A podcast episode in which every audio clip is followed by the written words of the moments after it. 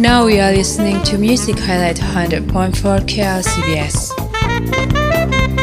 Acoustic Alchemy yang didirikan Nick Webb bersama Greg Carmichael mengalami situasi tidak menentu saat Webb meninggal tahun 1998 setelah terkena kanker pankreas. Saat itu, grup tersebut terdiri dari dua gitaris akustik Nick Webb dan Greg Carmichael, didukung electric guitar, bass, dan drums.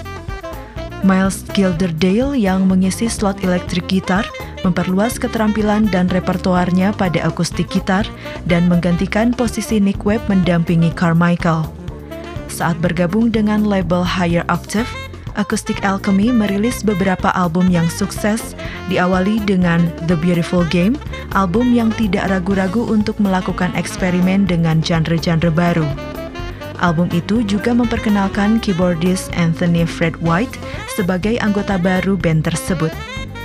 Album berjudul Art yang dirilis setahun kemudian menjadi album akustik Alchemy yang paling laris hingga kini dan juga menerima nominasi Grammy Award. For another story of music highlight on KLCBS, visit klcbs.net.